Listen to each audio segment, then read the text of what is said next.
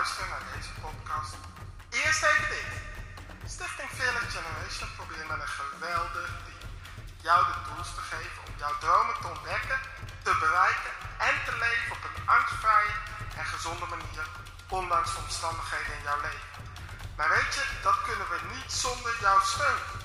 Je kan ons namelijk steunen door mee te bouwen als teamlid, te doneren, maar zeker ook door jezelf te abonneren op deze podcast. Check even uit onze website www.fearlessgeneration.nl als je wilt doneren of teamlid worden. Maar voor nu, abonneer jezelf nu meteen even op deze podcast. En uh, dan wil ik je van nu bedanken namens het hele team voor het abonneren. En uiteraard geniet van deze geweldige podcast.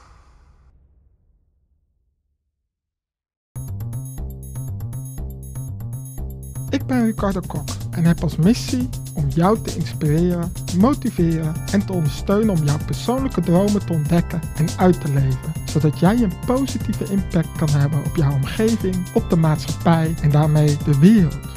Ik doe dit vanuit mijn ervaringsdeskundigheid. Ik heb ook expertise en ik help mensen door middel van onder andere lezingen, deze podcast, televisieprogramma's, boeken en theatershows. Goedemorgen gemeente. Gewoon even voor de goede orde. Uh, wie ziet mij vandaag voor het eerst? Ah, toch wel wat mensen. Dan ga ik mezelf nogmaals even kort voorstellen, speciaal voor jullie. Uh, ik ben Ricardo, ik ben 28 jaar oud. Uh, normaal gesproken ben ik woonachtig in Alblasserdam.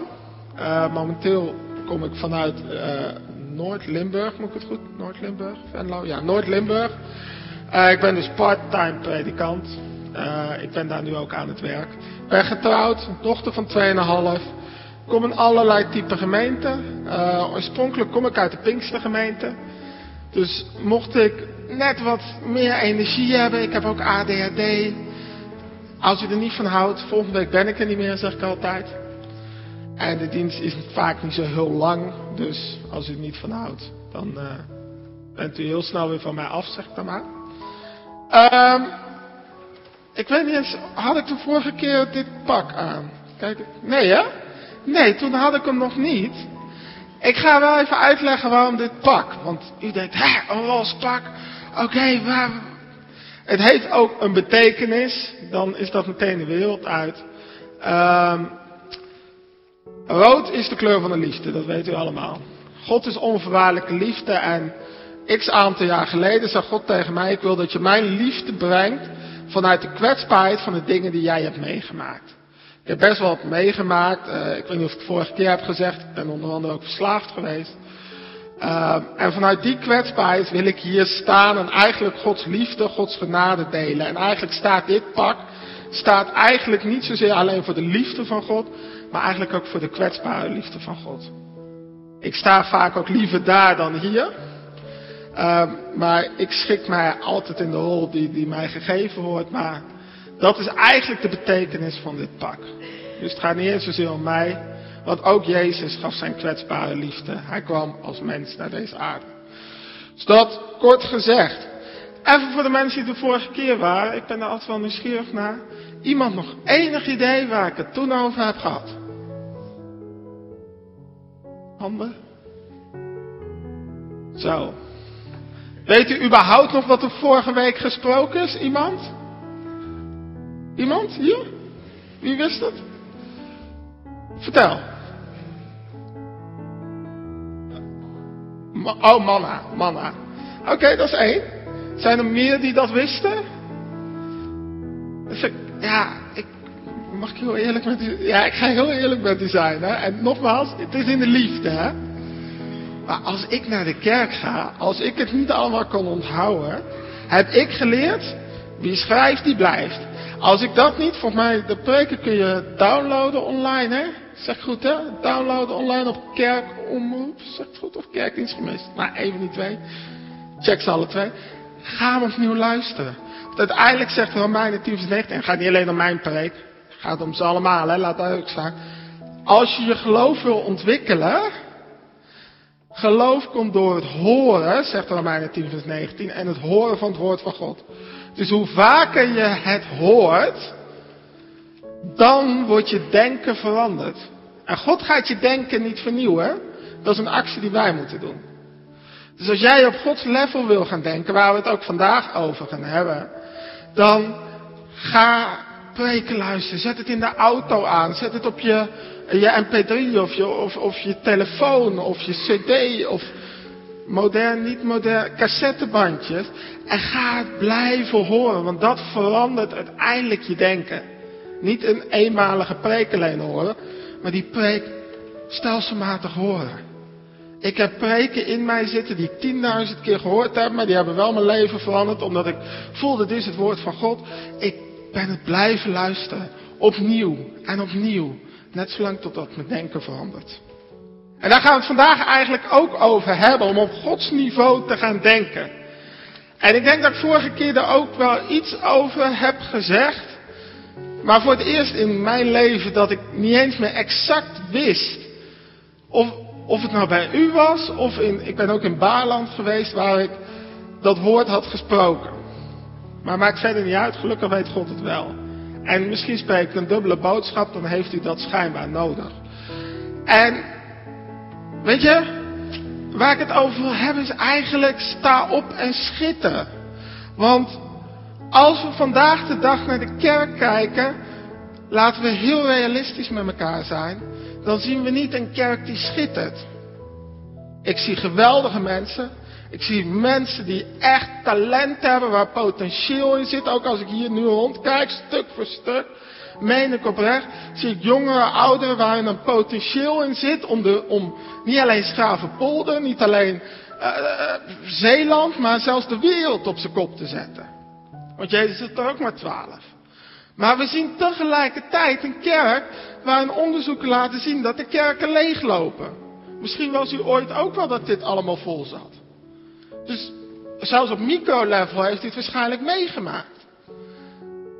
En toch zegt God, we lezen het net in Jesaja 60, maar ook Jezus zegt in Matthäus 5, jongens, jullie zijn het licht van de wereld. Jullie zijn het zout der aarde. Jullie moeten schijnen, jullie moeten smaak geven. Jezus zegt in Marcus 16, zegt hij, ik geef jullie mee, jullie zijn gelovigen en deze tekenen zullen de gelovigen volgen. En dan komen genezingen, bevrijdingen, nou noem het allemaal maar op. Oftewel, dat we een verandering maken. Dat we, zoals Johannes 15 zegt, vruchtbaar zijn. En vruchtbaar is dat als je, als ik iemand zie die vruchtbaar is in zijn leven, een succesvol ondernemer of maakt mij niet uit waarin, dan dan wil ik meer van die persoon weten. En ik ga best veel met niet-christenen om. En ik heb ontdekt dat de meesten, gisteravond nog, ik was klaar met mijn werk. En ik ging even bij een paar collega's zitten. Als ik het woordje, per ongeluk het woordje God laat vallen. Dat ik gewoon vertel, joh, ik moet morgenochtend vroeg weg, want ik moet taxi pakken om naar Zeeland te gaan om te spreken. Als ik dan alleen al vertel dat het voor een kerk is, haken mensen af. Nee, daar wil ik niks mee van doen. En misschien ben, jij, ben ik wel niet de enige die dat meemaakt. Terwijl God zegt, ja maar luister, als jij gaat opstaan en schitteren, komen ze naar je toe. Voor mij is dat de grootste frustratie die er bestaat. God zegt dit en weet je, ik heb theologie gestudeerd, maar ik ben tegelijkertijd een simpele gelovige. Als God A zegt, geloof ik A. Ga ik niet te moeilijk denken. Als God A zegt, geloof ik A. Maar tegelijkertijd zie ik wel realiteit B. Dus ik ben gaan worstelen met God. En misschien heeft u het zelf ook wel dat u denkt, ja maar u zegt in uw woord, zegt u, uh, dat, dat, dat, dat, nou ja, misschien wel met ziekte of, of met iemand die u heeft zien overlijden. U zegt dat u zieken zult genezen, maar mijn, oma is overleden. Of mijn tante, of mijn vrouw, of mijn man. U, u, u, zegt dat, dat, dat mensen tot geloof zullen komen, maar waarom komt... Vul maar in wie niet tot geloof. Misschien kent u die frustratie ook. En ik denk dat ik het vorige keer ook heb gezegd. God heeft maar één manier waarop die werkt. En dat is een systeem. Ik denk dat dat woordje, wie komt het woordje systeem een beetje bekend voor? Niet? Ik, uh, ik hoop dat het opleidt. maar God werkt in systemen. Alles in dit leven is een systeem. Ik ga niet vragen of u met de auto bent, want die kans is niet heel groot. Maar wie, wie heeft er een rijbewijs? Oké. Een auto is een systeem. Als je het systeem van die auto niet snapt, denk je dat je dan een auto kan rijden? Nee. Als je het systeem van de auto snapt, je snapt, hé, hey, ik moet starten, ik moet hem uh, in zijn inzetten, koppeling induwen, op laten komen, gas geven, kun je auto rijden. Of bij een automaat net iets anders, maar je snapt een punt. Een laptop is een systeem. Als je die laptop, het systeem van die laptop niet snapt, kun je geen gebruik maken van dat systeem. Sterker nog, raak je gefrustreerd. Gooi je die laptop misschien wel uit het raam. Uw lichaam is een systeem. We zijn allemaal uniek, maar we hebben exact hetzelfde systeem. We eten wat, er gebeurt hier van alles en er komt iets uit. Is een systeem. Alles in het leven bestaat uit systemen. En u moet begrijpen, het natuurlijke, het zichtbare, Hebreeën 11 vers 3, is ontstaan uit het onzichtbare. Dus de God van het natuurlijke, van de dingen die wij zien, is ook de God van het geestelijke. Al die principes zijn ontstaan in de geestelijke, onzichtbare wereld. Dus God werkt ook met systemen. En als wij als christenen Gods systeem niet begrijpen, dan kunnen we gered zijn, dan kunnen we naar de hemel gaan. Maar dan kunnen we hier op aarde geen gebruik maken van alle voordelen van dat systeem. Niet omdat God niet wil, maar omdat we niet, niet in zijn, zijn systeem niet begrijpen. Want God heeft nooit voor u bedoeld dat u een uh, miserabel leven zou leiden. God heeft voor u bedoeld, we lazen het net in Johannes 15, maar we lezen het door de hele Bijbel heen. U las net de wetslezing, heeft u denk ik gelezen, Deuteronomium 6. De hele Bijbel heen lees je, God wil dat je vruchtbaar bent. Dat mensen van jou lenen, dat jij niet hoeft te lenen. Ga zo maar door. De hele Bijbel, ga Deuteronomium 28 lezen. Stuk voor stuk beloftes. En toch zien we het niet altijd in ons leven. En dan komen we uit bij dat systeem. Ik ga hem nu niet specifiek lezen, maar schrijf op. Hè? Ik zei je, wie schrijft, die blijft. Schrijf op. 2 Korinthe 1 vers 20. Ga heel 2 Korinthe 1 lezen. Dat is mijn uitdaging nu. Maar daar staat dit. Al Gods beloften. Allemaal. Ook die ene, die ene die daar zo staat, waarvan ik toch. Ja, ook die. Alles wat je kan vinden in dit woord. Al Gods beloften zijn ja en amen in Christus. Nou, dat is allereerst fijn. In Christus is namelijk in Jezus, maar ook de Heilige Geest, want Christus is de gezalfde. Dus dat is Jezus en de Heilige Geest in één. Eigenlijk staat daar, God zelf, Jezus en de Heilige Geest zeggen ja tegen al die beloften. Zeg wel eens, toen Jezus aan het kruis hing, toen zei, zei hij, het is volbracht. Dat is bijna hetzelfde als ja, ik wil. Dus hij wil. Maar dan komt het tweede stuk en hier lopen wij vaak vast. Dan staat er, tot eer van God door ons. Wat betekent dat stukje tekst nou? Dat stukje tekst betekent dat wij moeten gaan leren, komt weer het woordje leren, wij, ik ook, om ja te gaan zeggen.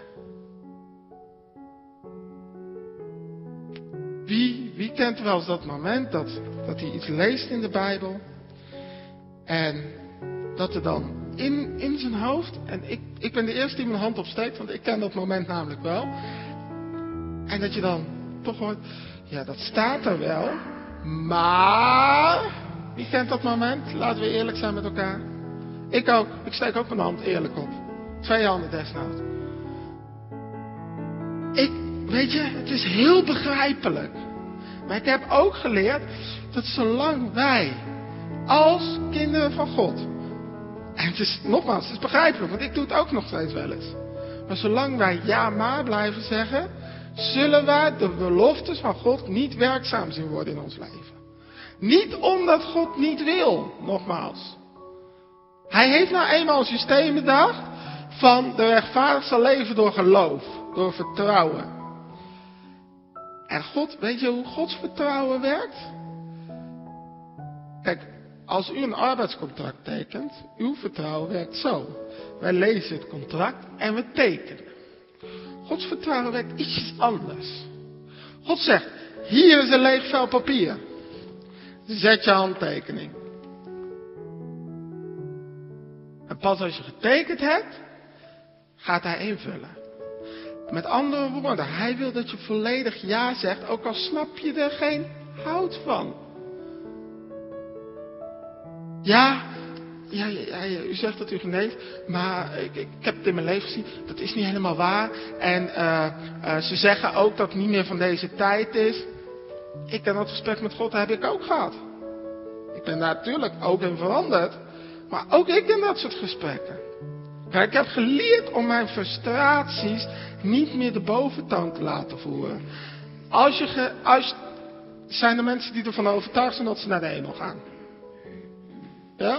Er zijn mensen. Als je daarvan overtuigd bent, dan kan dat alleen maar. Als je van overtuigd bent dat je gered bent, kan dat alleen maar omdat je ja zegt. Zolang jij ja maar blijft zeggen, word je niet gered. Het is niet omdat God niet wil, hè, want God wil. Het heeft niks.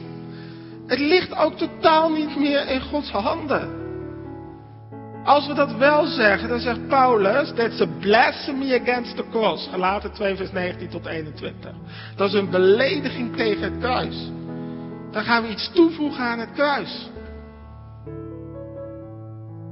Alles om, om de zegen van God te zien in ons leven. Om, om te gaan schitteren op deze aarde.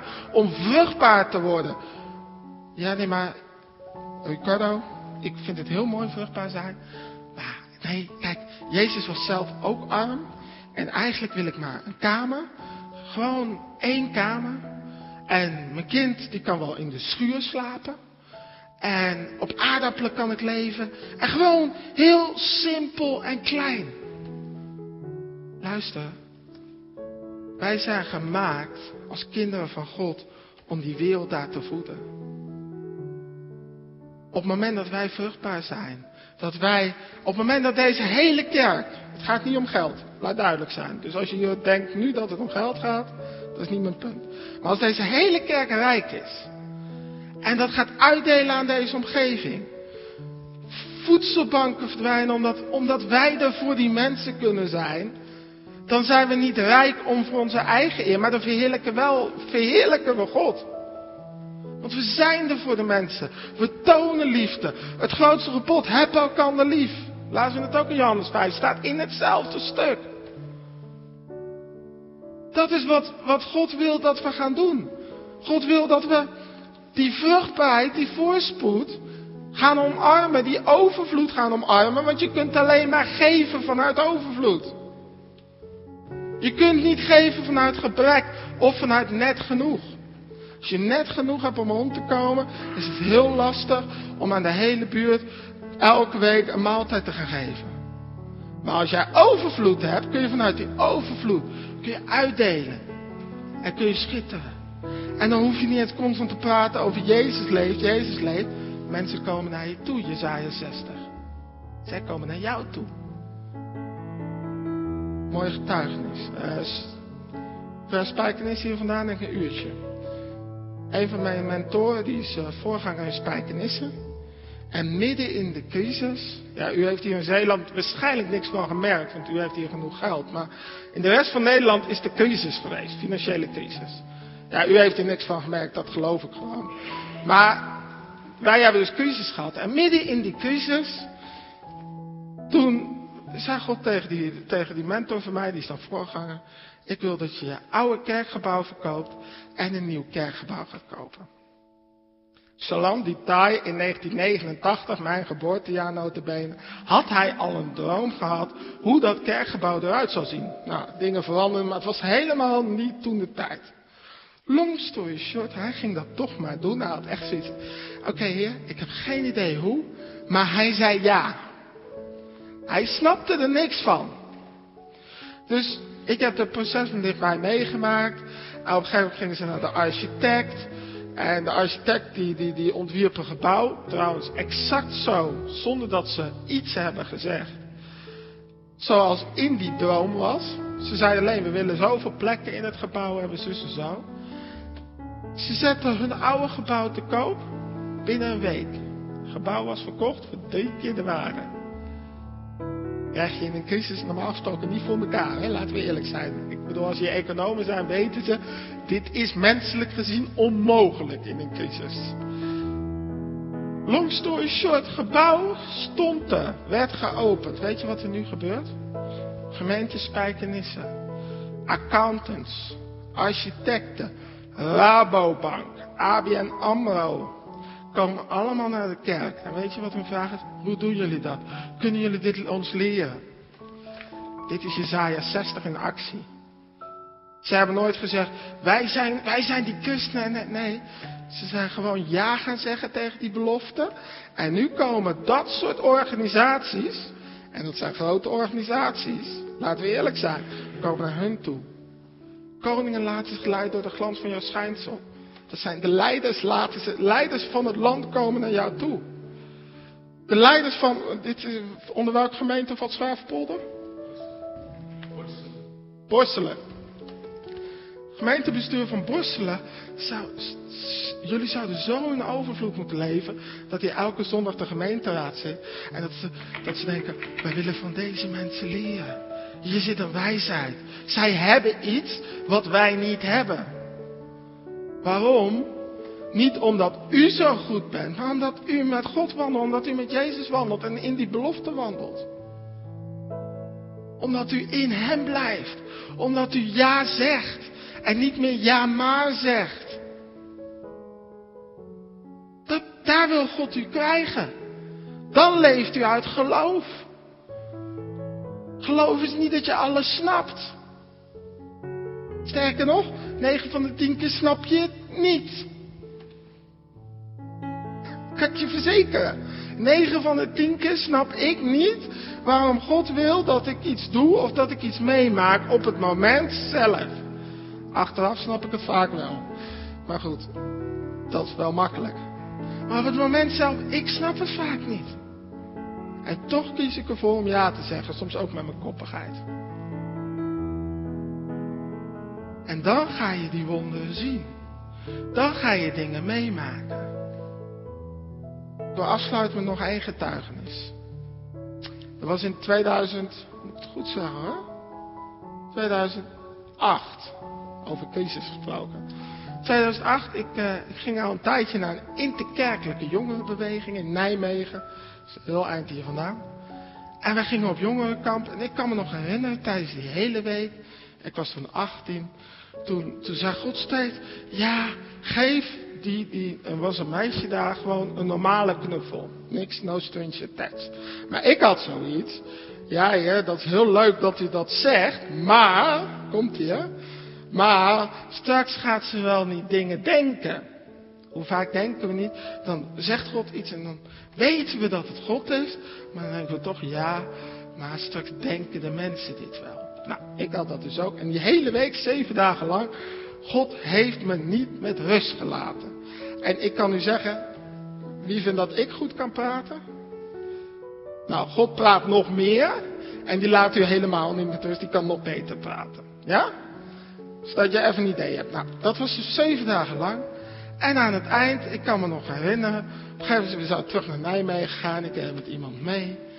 En zij had geen vervoer. En ik hoor mezelf zeggen, zonder dat ik er invloed op had. We hebben nog wel een plek vrij in de auto. Ik denk, nee, dit gaat niet gebeuren. Het is heel leuk dat u allemaal plannetjes heeft, maar dit gaat niet gebeuren. Nou, we gingen naar Nijmegen toe. Ik zou daarna naar het toenmalige Flevo Festival, dat bestond toen nog, doorreizen. Maar ja, op een gegeven moment kwamen we best wel laat aan in Nijmegen. En zei ze, ja joh, als je, als je niet kan doorreizen, heb ik nog wel een logeerbed staan. Ik denk, nee, dit gaat niet gebeuren.